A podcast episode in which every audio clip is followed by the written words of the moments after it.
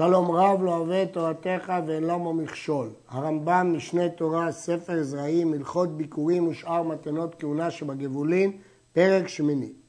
המפריש חלתו קמח, כלומר לפני שנעשתה עיסה, אינה חלה, וגזל ביד כהן, כי ברור שהוא נתן אותו לכהן לפיקדון, הוא לא נתן אותו לשם חלה.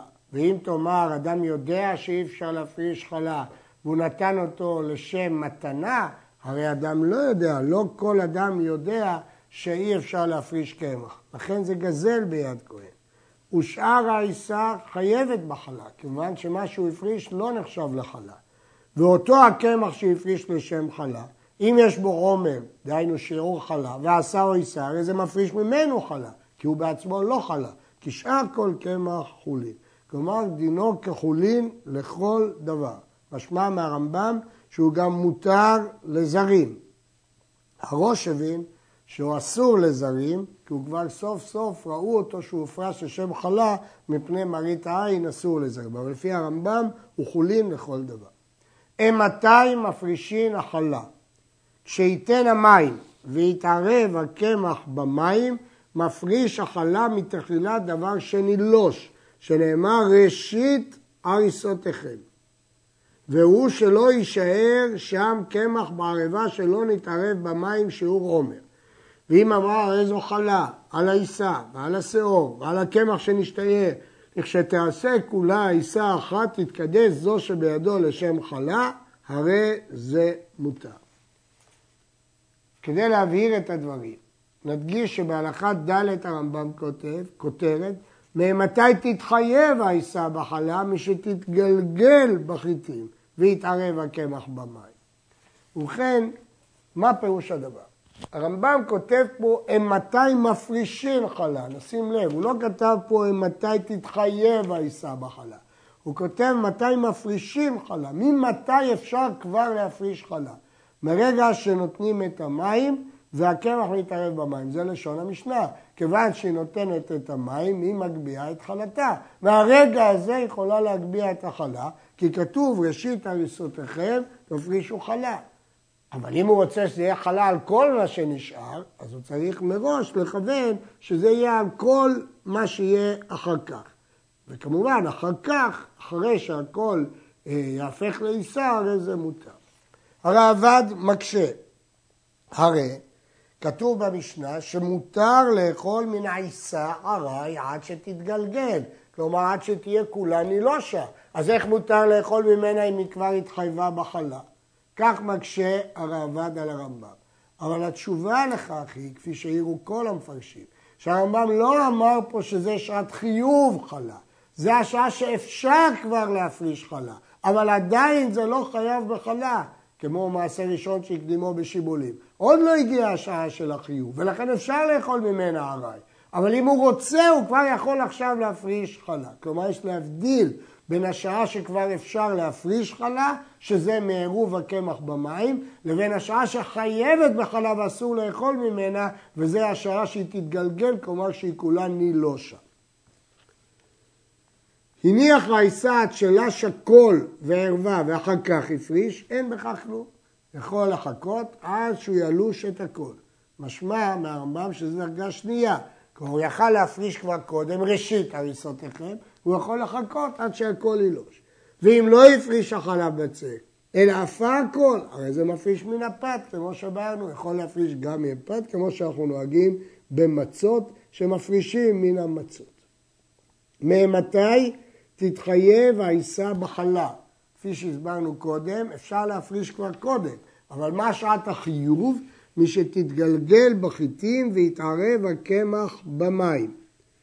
או שתטמטם בשעורים ותעשה כולה גוף אחד. המפרשים במהדורת מקבילים מסבירים שיש הבדל בין המרקם של קמח חיטה שהוא עשיר בגלוטן ולכן כולו אחיד וצמיגי ומתגלגל לעומת קמח שעורים שהוא עני בגלוטן והבצק הוא גוש אטום וזה פירוש תטמטם. כך הם מפרשים לפי, בהתאם לפירוש המשנה ולרדווז בשם מערוך ולפי המערי קורקוס. ואוכלים עראי מן העיסה עד שתתגלגל בחיטים ותטמטם בשעורים. הסברנו שיכול להפריש קודם, אבל יכול גם לאכול עראי כי עוד לא הגיעה שעת החיוב. והכוסמים כחיטים, כבר למדנו שהכוסמים והחיטים זה מין אחד, שיבולת שועל והשיפון כשעורים עד שתטמטם. נתגלגל לה בחיטים ונטמטמה בשעורים, האוכל ממנה קודם הפשט חלה חייב מיתה, מפני שהיא תבל, חייב מיתה בידי שמיים. לפיכך, אם הייתה עיסה חייבת בחלה מן התורה, האוכל ממנה לוקה, ככל אוכל תבל. ואם הייתה חייבת בחלה מדבריהן, מקין אותו מכת מרדות מדרבנן. עיסה שנדמעה, כלומר התערבבה בה תרומה, עד שלא תתגלגל, פטורה. כלל הוא שהמדומה פטור מן החלה. ולכן, אם התערבבה תרומה בעיסה, הרי הכל נקרא מדומה, ומדומה פטור מן החלה.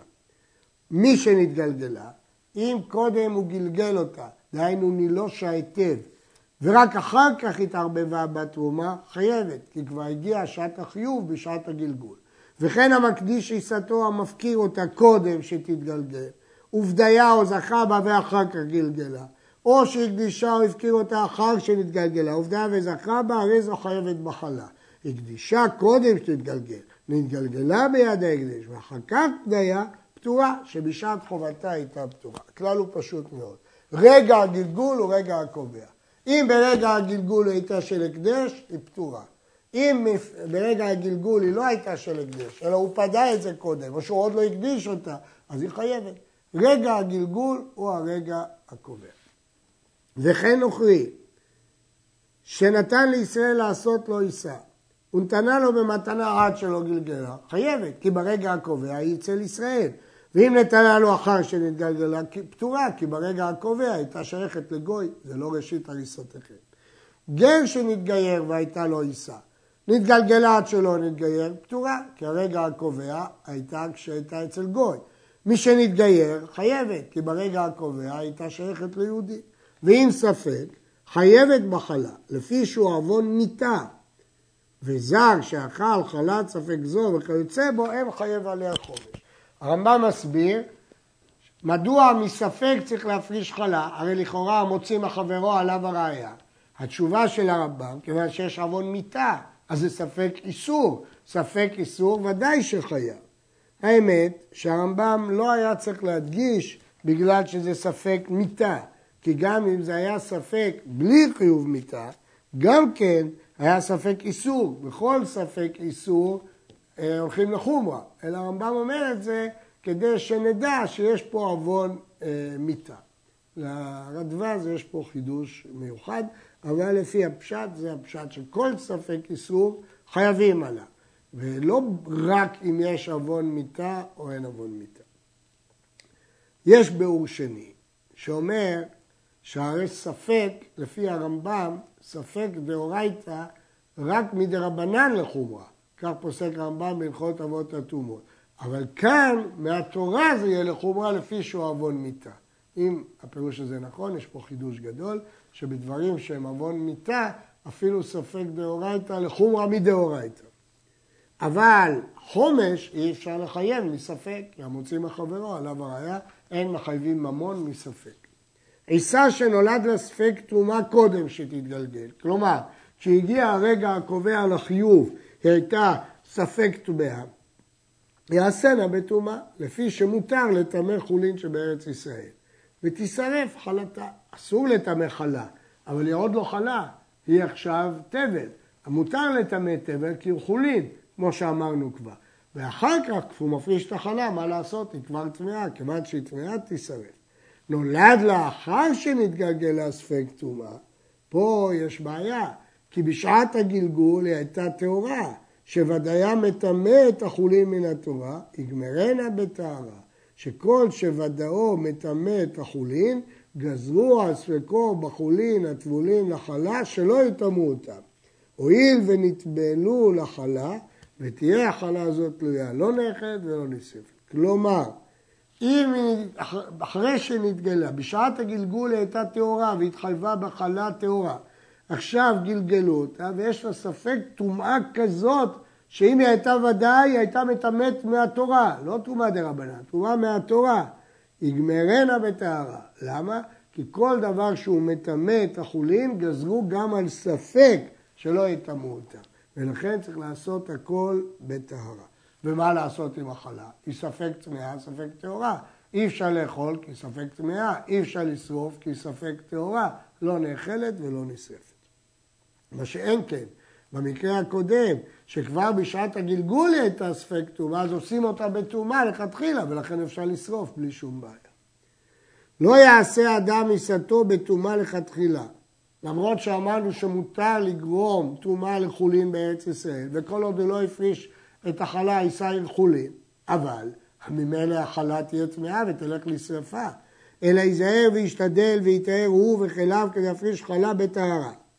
היה בינו ובין המים יתר מארבעת מילין, יעשנה בטומאה ואפריש חלה טמאה. אם כדי להיטהר הוא צריך ללכת מרחק גדול של ארבעה מילים, לא הטריחו אותו עד כדי כך, וזה מה שהגמרא אומרת, שלגבל ארבעה מילים. למי שעושה עיסתו בטהרה, עד ארבעה מילים הטריחו אותו. יותר מכן לא הטריחו אותו ויעשה בטומאה ויפריש חלה טמאה וישרוף אותה. אין עושים חלת עם הארץ בטהרה, כי אנחנו חוששים שהוא יטמא אותה. אבל עושים עיסת חולים בטהרה. כלומר, אם הגבל צריך לעשות לו את החלה ולשמור שהיא תהיה טהורה, לא יעשה לו, כי ברור שעם הארץ יטמא אותה. אבל אם עם הארץ משלם לו כדי לעשות את כל העיסה, פה התירו לו. כיצד? מגבל העיסה זה החבר, הוא מפריש ממנה כדי חלתה, הוא מניחה בכלי גללים וכלי אבנים וכלי אדמה שאין מקבלים טומאה. וכשיבוא עם הארץ, נוטל את שתיהם, את העיסה ואת החלה. ואומרים לו, ייזהר שמא תיגע בחלה, שלא תחזור לטבלה, כדי לאיים עליו. אומרים לו, תיזהר, תחזור להיות תבל. זה לא כך, היא תהיה חלה טמאה, היא לא תהיה תבל. אבל כדי לאיים עליו שלא ייגע בחלה, אומרים לו, תיזהר, היא תהיה תבל. ומפני מה התירו לו זה? הרי יש סיכוי גבוה שעם הארץ יטמא את החלה, משום כדי חייו של גבל. כי זה הפרנסה שלו, הרבה מהלקוחות שלו הם עמי הארץ, אם לא נתיר לו, לא תהיה לו פרנסה. אשת חבר, שדינה כמו חבר, מרקדת ובוררת את הקמח עם אשת עם הארץ. למה? כי כל עוד הוא לא נרטב במים, הוא לא מקבל טומאה. לכן אין לה חשש שאשת עם הארץ תיגע בקמח. אבל מי שתטיל מים לעיסה לא תסייע אותה. כי עכשיו אם אשת עם הארץ תיגע זה יהיה טומאה, מפני שהיא עושה עיסתה בטומאה. וכן הנחתום שהוא עושה בטומאה, לא לשין ולא הולכים עמו. שאין מחזקין ידי עוברי עבירה. פה הטעם הוא לא מפני לפני עיוור לא תיתן מכשול, כי בין כך הוא עושה את זה לבד, אתה לא מכשיל אותו. אבל זה מסייע, מחזק עוברי עבירה. אסור לסייע לעוברי עבירה. אבל מוליכים עמו פת לפלטר. אחרי שכבר נעשה בטומאה, להוליך את הפת כבר זה מותר. הלוקח מנחתום עם הארץ בסוריה ואמר לו, הפרשתי חלה, אינו צריך להפריש חלה מספק. כשם שלא נחשדו כל ישראל בארץ על תרומה גדולה, כך לא נחשדו בסוריה על החלה. לא נחשדו לא על התרומה בארץ ישראל ולא על החלה בסוריה מפני חומרת העונש שעליהם. אבל הלוקח בחוץ על הארץ מן הנחתום צריך להפריש חלה מספק. כיוון שבחוץ לארץ זה דרבנן, העונש לא חמור עליהם ולכן הוא לא נאמן וצריך להפריש חלה מספק. אבל הלוקח מבעל הבית ואין צריך לומר המתארח אצלו, אינו צריך להפריש מספק. יש להניח שבעל הבית לא יאכיל אותו דברים אסורים. כמובן, בתנאי שהאיש הזה לא חשוד. אם הוא חשוד, בוודאי שאי אפשר לסמוך על הנאמנות והחזקה הזאת. עד כאן.